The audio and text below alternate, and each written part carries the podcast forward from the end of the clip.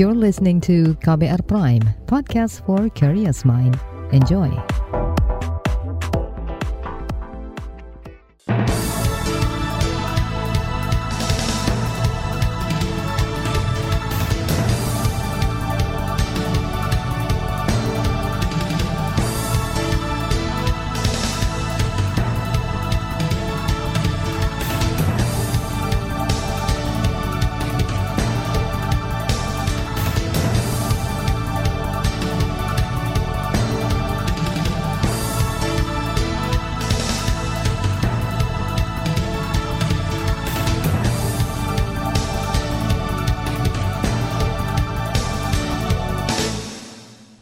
Selamat pagi saudara, senang sekali kami bisa menjumpai Anda kembali melalui program Buletin Pagi edisi Senin 25 April 2022. Bersama saya Naomi Liandra. Sejumlah informasi pilihan telah kami siapkan di antaranya, larangan ekspor minyak goreng dan CPO diminta dikaji ulang. Menteri BUMN ungkap temuan mafia bibit di sektor pertanian. Satu anggota TNI tewas akibat serangan KKB di Enduga. Inilah Buletin Pagi selengkapnya terbaru di Buletin Pagi. Saudara, mulai Kamis 28 April 2022 nanti ekspor minyak goreng dan minyak sawit mentah atau CPO resmi dilarang. Ini merupakan keputusan Presiden Joko Widodo yang diumumkan pekan lalu. Larangan ekspor bersifat sementara tetapi belum ada keterangan tentang batas waktunya. Saya akan terus memantau dan mengevaluasi pelaksanaan kebijakan ini agar ketersediaan minyak goreng di dalam negeri melimpah dengan harga terjangkau. Itu tadi Presiden Jokowi. Larangan ekspor minyak goreng dan CPO merupakan buntut terungkapnya kasus korupsi pemberian izin ekspor kepada tiga perusahaan minyak sawit. Sudah empat tersangka yang ditetapkan dan ditahan oleh Kejaksaan Agung yakni Dirjen Perdagangan Luar Negeri Kementerian Perdagangan Indrasari Wisnu Wardana dan tiga petinggi perusahaan sawit. Presiden Jokowi meminta kejaksaan mengusut tuntas kasus ini. Saudara, larangan ekspor minyak goreng dan CPO diyakini tak bakal berpengaruh besar pada geliat industri dalam negeri. Menteri Perindustrian Agus Gumiwang Kartasasmita mengatakan kebijakan ini bertujuan untuk menstabilkan harga. Jika stabilitas harga tercapai, maka larangan akan dicabut. Di lain pihak, distribusi minyak goreng di lapangan mesti diawasi ketat. Juri bicara Kementerian Perindustrian Febri Hendri menjamin jalannya pengawasan dan pemberian sanksi bagi distributor yang melanggar aturan sanksi kami itu berjenjang atau bertingkat. Pertama, eh, peringatan tertulis ini, jika tidak ada perubahan, maka ada denda. Kami kenakan denda. Nah, kemudian denda juga tidak ada perubahan atau juga tingkat kinerjanya masih belum cukup memadai, itu terakhir adalah pembekuan izin usaha demi kepentingan rakyat ya dan kami harus tegas Juri bicara Kementerian Perindustrian Febri Henry menambahkan tercatat 25 perusahaan belum mematuhi aturan distribusi dan harga eceran tertinggi Rp14.000 per kilogram untuk minyak goreng curah bersubsidi. Febri mengklaim akan segera menindak mereka.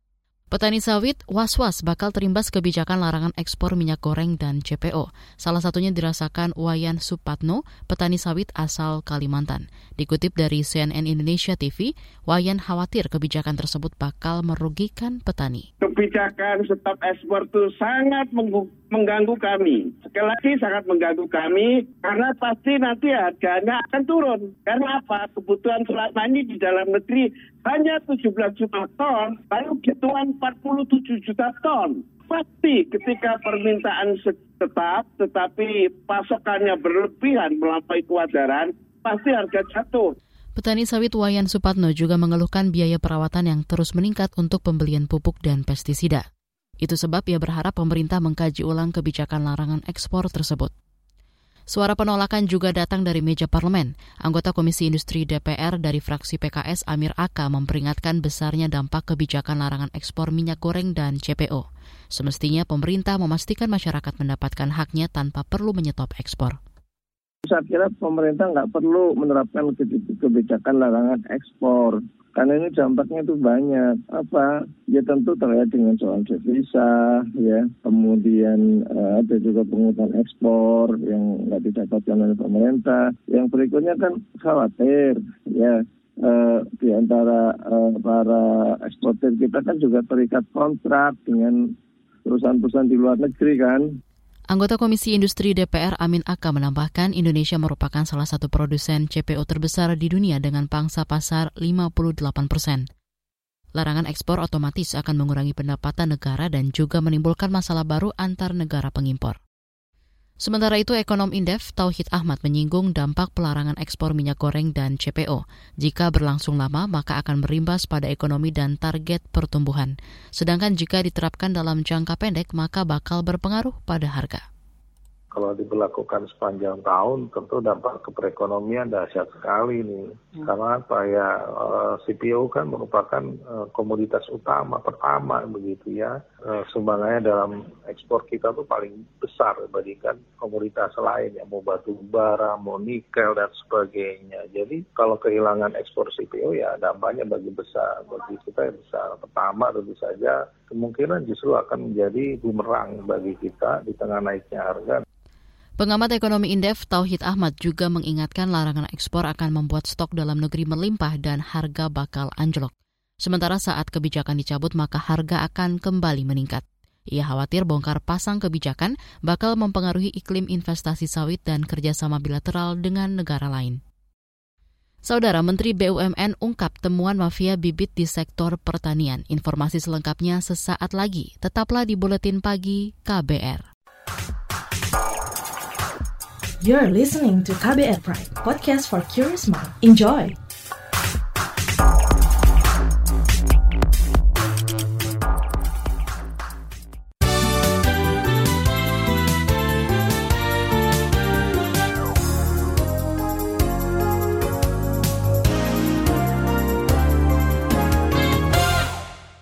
Anda sedang mendengarkan buletin pagi KBR. Menteri Perhubungan Budi Karya Sumadi mengecek persiapan transportasi udara untuk melayani mudik Lebaran 2022. Budi menekankan agar operator memastikan aspek keselamatan, di antaranya melalui uji kelaikan pesawat hingga pemeriksaan kesehatan awak pesawat. Hal itu disampaikan Budi saat memimpin apel gabungan petugas di Bandara Soekarno-Hatta kemarin. Untuk aman, tentu sebagai satu sektor yang sangat rigid dengan safety, harus memastikan safety terjaga dengan baik.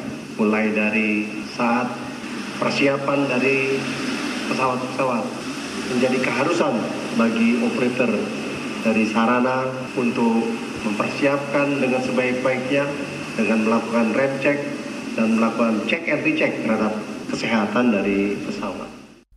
Menteri Perhubungan Budi Karya Sumadi menambahkan operator moda transportasi lain yakni darat dan laut juga harus menekankan aspek keselamatan. Dalam kesempatan itu Budi mengapresiasi animo masyarakat yang mengikuti anjuran pemerintah untuk mudik lebih awal. Hal ini untuk menghindari kepadatan di masa puncak mudik yang diprediksi terjadi pada 28 hingga 30 April mendatang. Beralih ke informasi ekonomi, Indonesia terus berkontribusi dalam pemulihan ekonomi dunia melalui G20. Pertemuan Menteri Keuangan dan Gubernur Bank Sentral menyepakati negara peserta akan mengkoordinasikan kebijakan yang dibuat. Ini bertujuan agar perekonomian global kembali stabil. Hal itu diungkapkan Gubernur Bank Indonesia Peri Warjio. Ada tiga simpulan penting di dalam koordinasi normalisasi kebijakan ini. Satu, bagi negara-negara maju bersepakat untuk melakukan normalisasi secara perhitungan dengan baik, well calibrated, direncanakan secara baik, well planned, dan dikomunikasikan secara baik sehingga dampak terhadap ekonomi global dan negara emerging market dapat diantisipasi oleh secara baik oleh negara maupun pelaku pasar.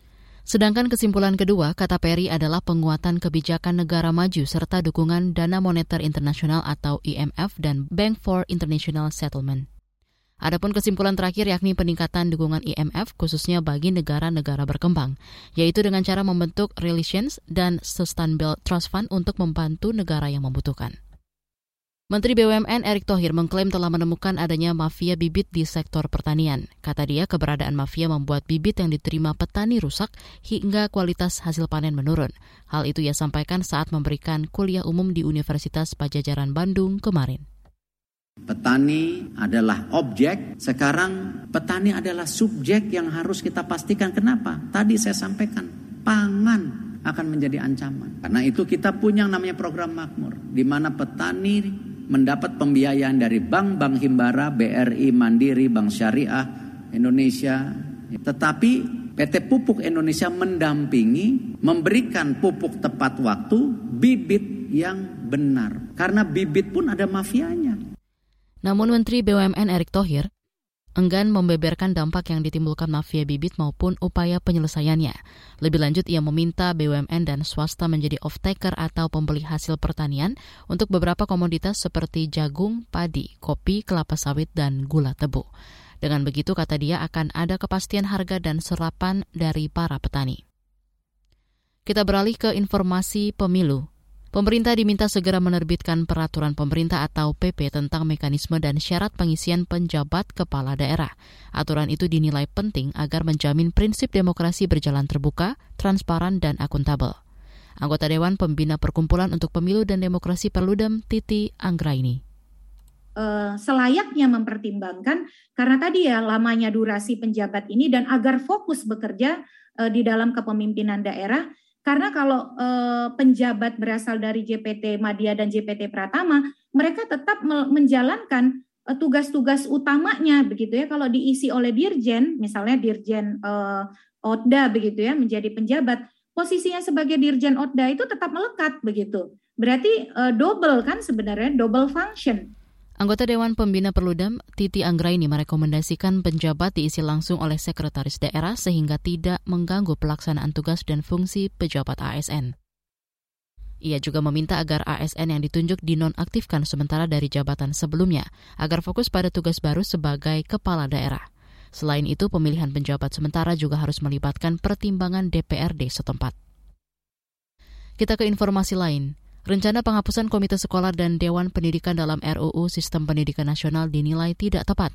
Koordinator Nasional Jaringan Pemantau Pendidikan Indonesia JPPI Ubaid Matraji mengatakan pembubaran kedua lembaga itu merupakan kemunduran demokrasi. Saya menolak kalau dibubarkan okay. karena sejatinya institusi ini itu mulia ya. Ini institusi baik bagian dari uh, institusi yang lahir dari demokrasi ya yang itu hmm. bisa menampung uh, aspirasi uh, orang tua, bisa menampung aspirasi masyarakat dan memperkuat uh, keterlibatan orang tua dan masyarakat dalam konteks uh, pendidikan gitu. Menurut Ubaid, keberadaan Komite Sekolah dan Dewan Pendidikan masih dibutuhkan. Semestinya RUU Sisdiknas memperkuat posisi kedua institusi itu. Sebelumnya Aliansi Masyarakat juga meminta pengesahan RUU Sisdiknas ditunda karena dianggap terburu-buru, tidak transparan, dan tidak melibatkan banyak unsur. Kita beralih ke berita mancanegara. Berdasarkan hitung cepat, calon pertahanan Emmanuel Macron akan terpilih sebagai Presiden Prancis untuk lima tahun ke depan. Jika terbukti, maka Macron akan menjadi capres pertahanan pertama yang terpilih kembali sejak era Jacques Chirac pada 2002 silam. Dikutip dari CNN, Macron diproyeksi mengungguli politikus sayap kanan Marine Le Pen dengan presentase 57 atau 58 persen melawan 41 hingga 43 persen. Angka tersebut memiliki selisih lebih tipis dibanding Pilpres 2017 silam. Kala itu Macron mendominasi dengan 66 persen suara. Kita beralih ke berita olahraga. Barcelona dipermalukan Rayo Vallecano usai kalah 0-1 dalam melanjutan Liga Spanyol Senin dini hari tadi. Gol semata wayang tim tamu dicetak Alvaro Gracia saat laga berjalan 7 menit di babak pertama. Berbagai upaya dilancarkan Blaugrana untuk lolos dari kekalahan. Namun setelah laga berjalan 104 menit akibat tambahan waktu, Barcelona harus mengakui kemenangan Vallecano. Bergeser ke Liga Inggris, Liverpool mencetak kemenangan 2-0 atas Everton di kandang sendiri. Gol pembuka The Reds baru dicetak di menit 62 hasil sundulan Andrew Robertson. Kemudian pemain pengganti di Vogue Origi menggandakan keunggulan Liverpool di menit ke-85. Di bagian berikutnya kami hadirkan saga KBR bertajuk Seruan Transpuan Kampung Duri tentang perubahan iklim. Tetaplah di Buletin Pagi KBR. You're listening to KBR Pride, podcast for curious mind. Enjoy!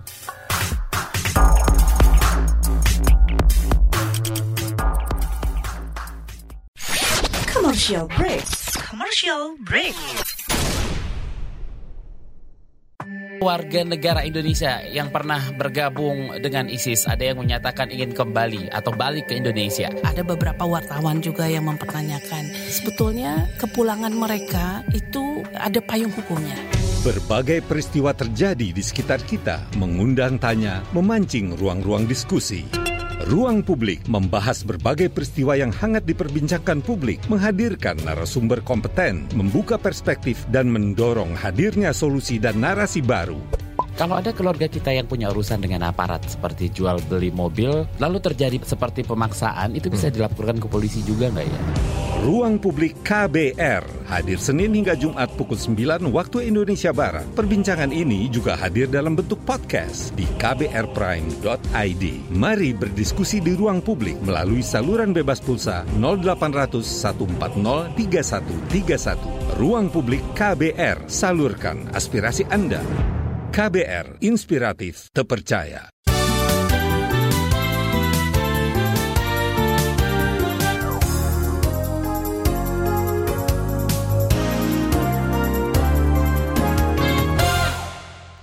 Anda masih bersama kami di Buletin Pagi KBR. Kelurahan Kampung Duri, Jakarta Barat terkenal sebagai kawasan terpadat se-Asia Tenggara. Di sana juga merupakan tempat tinggal ratusan waria atau transpuan. Mereka terpinggirkan karena menanggung beban berlapis dari beragam dimensi. Salah satunya dampak lingkungan dari perubahan iklim.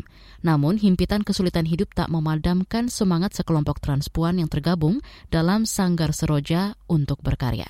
Kali ini mereka menyerukan kolaborasi nyata penyelamatan bumi. Seperti apa? Simak saga KBR yang disusun Ninik Yuniati, laporannya dibacakan Astri Yuwanasari. Sabtu sore 23 April 2022 di Kelurahan Kampung Duri, Jakarta Barat yang padat. Serombongan orang berjalan perlahan menyusuri ganggang sempit, mencuri perhatian warga di kanan kiri. Bintang sesungguhnya ada di barisan depan. Empat orang berkostum unik berlenggak-lenggok bak model. Di antara para pengiring, ada yang membawa poster bertuliskan cegah perubahan iklim. Bumi ini semakin panas, dan yuk diet sampah plastik. Itu adalah karnaval yang digelar Sanggar Seroja, teater yang beranggotakan waria atau transpuan, warga Kampung Duri. Karya ini hasil kolaborasi dengan Generate Project yang berbasis di Universitas Leeds, Inggris. Pada aksi tersebut, mereka menampilkan empat karakter superhero. Tujuannya ingin menggugah kesadaran masyarakat tentang dampak perubahan iklim. Aku superhero pemulih, pemulih buat orang-orang yang butuh kayak misalkan uh, berobat atau apa segala macam, yang mengalami perubahan iklim terus dia sampai uh, sakit, sampai ke ekonomi sekalipun aku siap mendampingi. Anya memerankan Asih, malaikat transpuan bersenjatakan tongkat batu kristal suci dan tameng antivirus. Kostumnya dibuat dari barang bekas yang didominasi warna putih.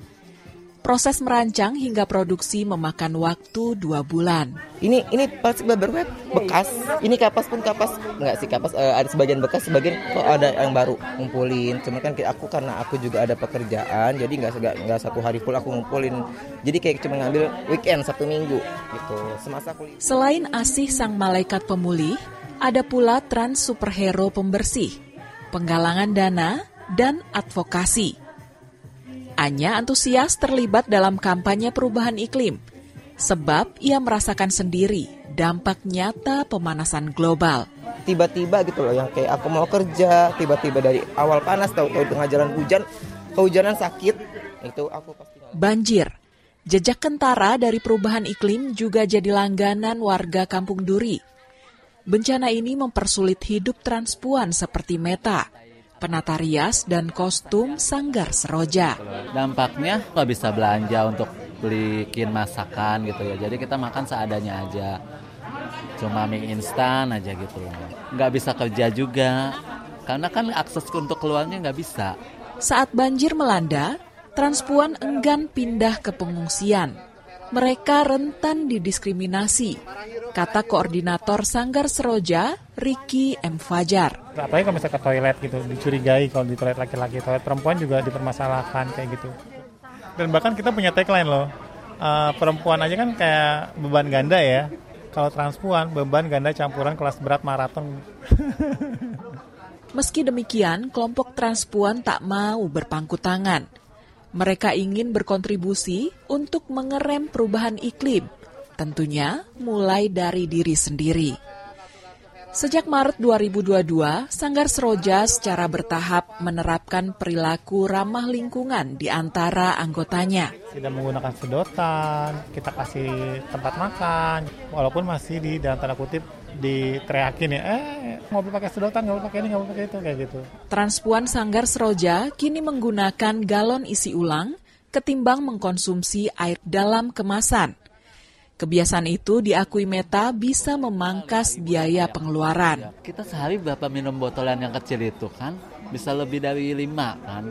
Ya mahal juga itu. Ya agak untung lah misalnya lima ribu, sepuluh ribu masih bisa uh, disimpan. Anya mengakui mengubah kebiasaan itu berat di awal. Namun kini ia menjadi pendukung terdepan sikap pro lingkungan. Cuman lama kelamaan ya sadar, sadar, sadar, sadar dan kayak lebih kedisiplinan dari sanggar. Perlahan perlahan perlahan aku sadar, aku terapin ke dalam diri aku sendiri. Bagi Anya itu adalah cara transpuan berkontribusi mengurangi dampak perubahan iklim. Ia berharap perubahan perilaku maupun karya Sanggar Seroja bisa menggugah masyarakat luas untuk turut berperan menyelamatkan bumi. Saya tidak berharap untuk kalian mengikuti apa yang kita contohkan, tapi setidaknya lihatlah. Ini panas loh masyarakat ya. Ini limbah kalian. Ya masa nggak ada kesadaran sedikit sih? Sedikit aja nggak banyak. Gitu. Dengan dengan kesadaran sedikit, insya Allah. Demikian Saga KBR. Saya Astri Yuwanasari. Informasi dari berbagai daerah akan hadir usai jeda. Tetaplah bersama Buletin Pagi KBR. You're listening to KBR Pride, podcast for curious mind. Enjoy!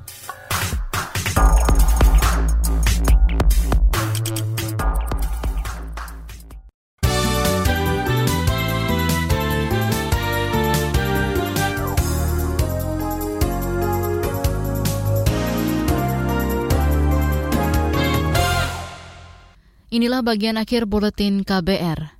Satu anggota TNI tewas dan seorang lainnya luka akibat serangan kelompok kriminal bersenjata di pos Satgas Muara Perairan di Kalikote, Kabupaten Duga, Jumat lalu.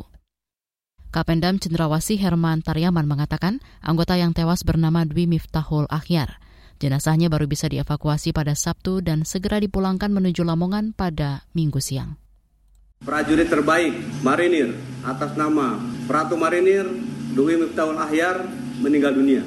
Kemudian satu lagi atas nama Mayor Marinir Lilik Kristianto ini terkena rekorset di bagian bahu sebelah kiri.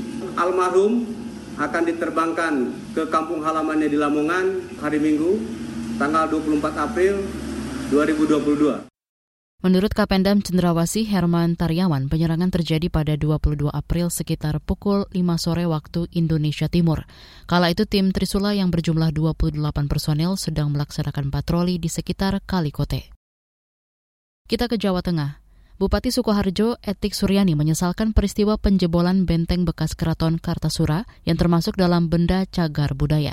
Ia kecewa dengan sikap masyarakat setempat yang mengetahui hal itu, tetapi tetap membiarkan perusakan terjadi menyayangkan kenapa e, selaku warga apalagi penduduk asli dari Kartosuro ini sampai tidak tahu sejarahnya yang ada di sini jadi saya menyayangkan kenapa sampai gegabah kok melakukan seperti ini? Tidak taren istilahnya tanya dulu kepada yang tahu. Kelurah lah RT kemar, eh, tadi katanya sudah. Bahkan juga belum ada izinnya. Makanya harusnya tanya dulu jangan asal gempur. Kan ini kalau sudah seperti ini terus dia cukup saya sangat kecewa sekali karena apa? Wong sebagai warga masyarakat Sukoharjo tidak bisa ikut bantu nguri-nguri. Bupati Sukoharjo Etik Suryani mengatakan benteng berumur ratusan tahun itu rusak sepanjang 7,4 meter dan tidak bisa diperbaiki. Saat ini pemerintah tengah menyoroti hak kepemilikan lahan oleh warga. Lahan cagar budaya mestinya tak bisa disertifikasi secara pribadi. Ia berjanji akan mengusut masalah ini dan melaporkannya ke provinsi.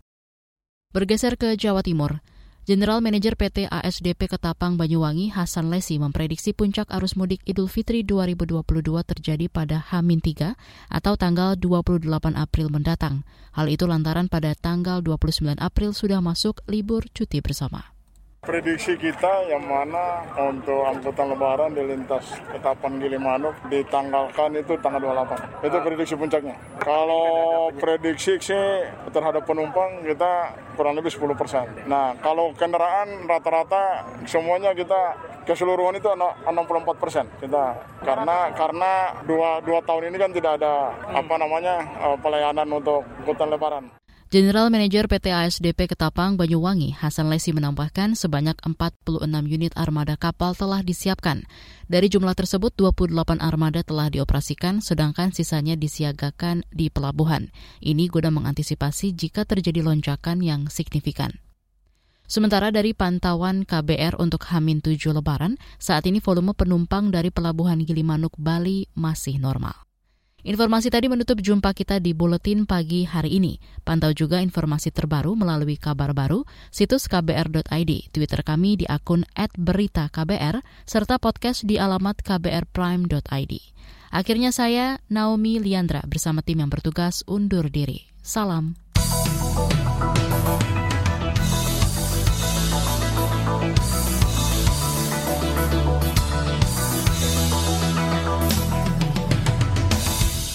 KBR Prime, cara asik mendengar berita.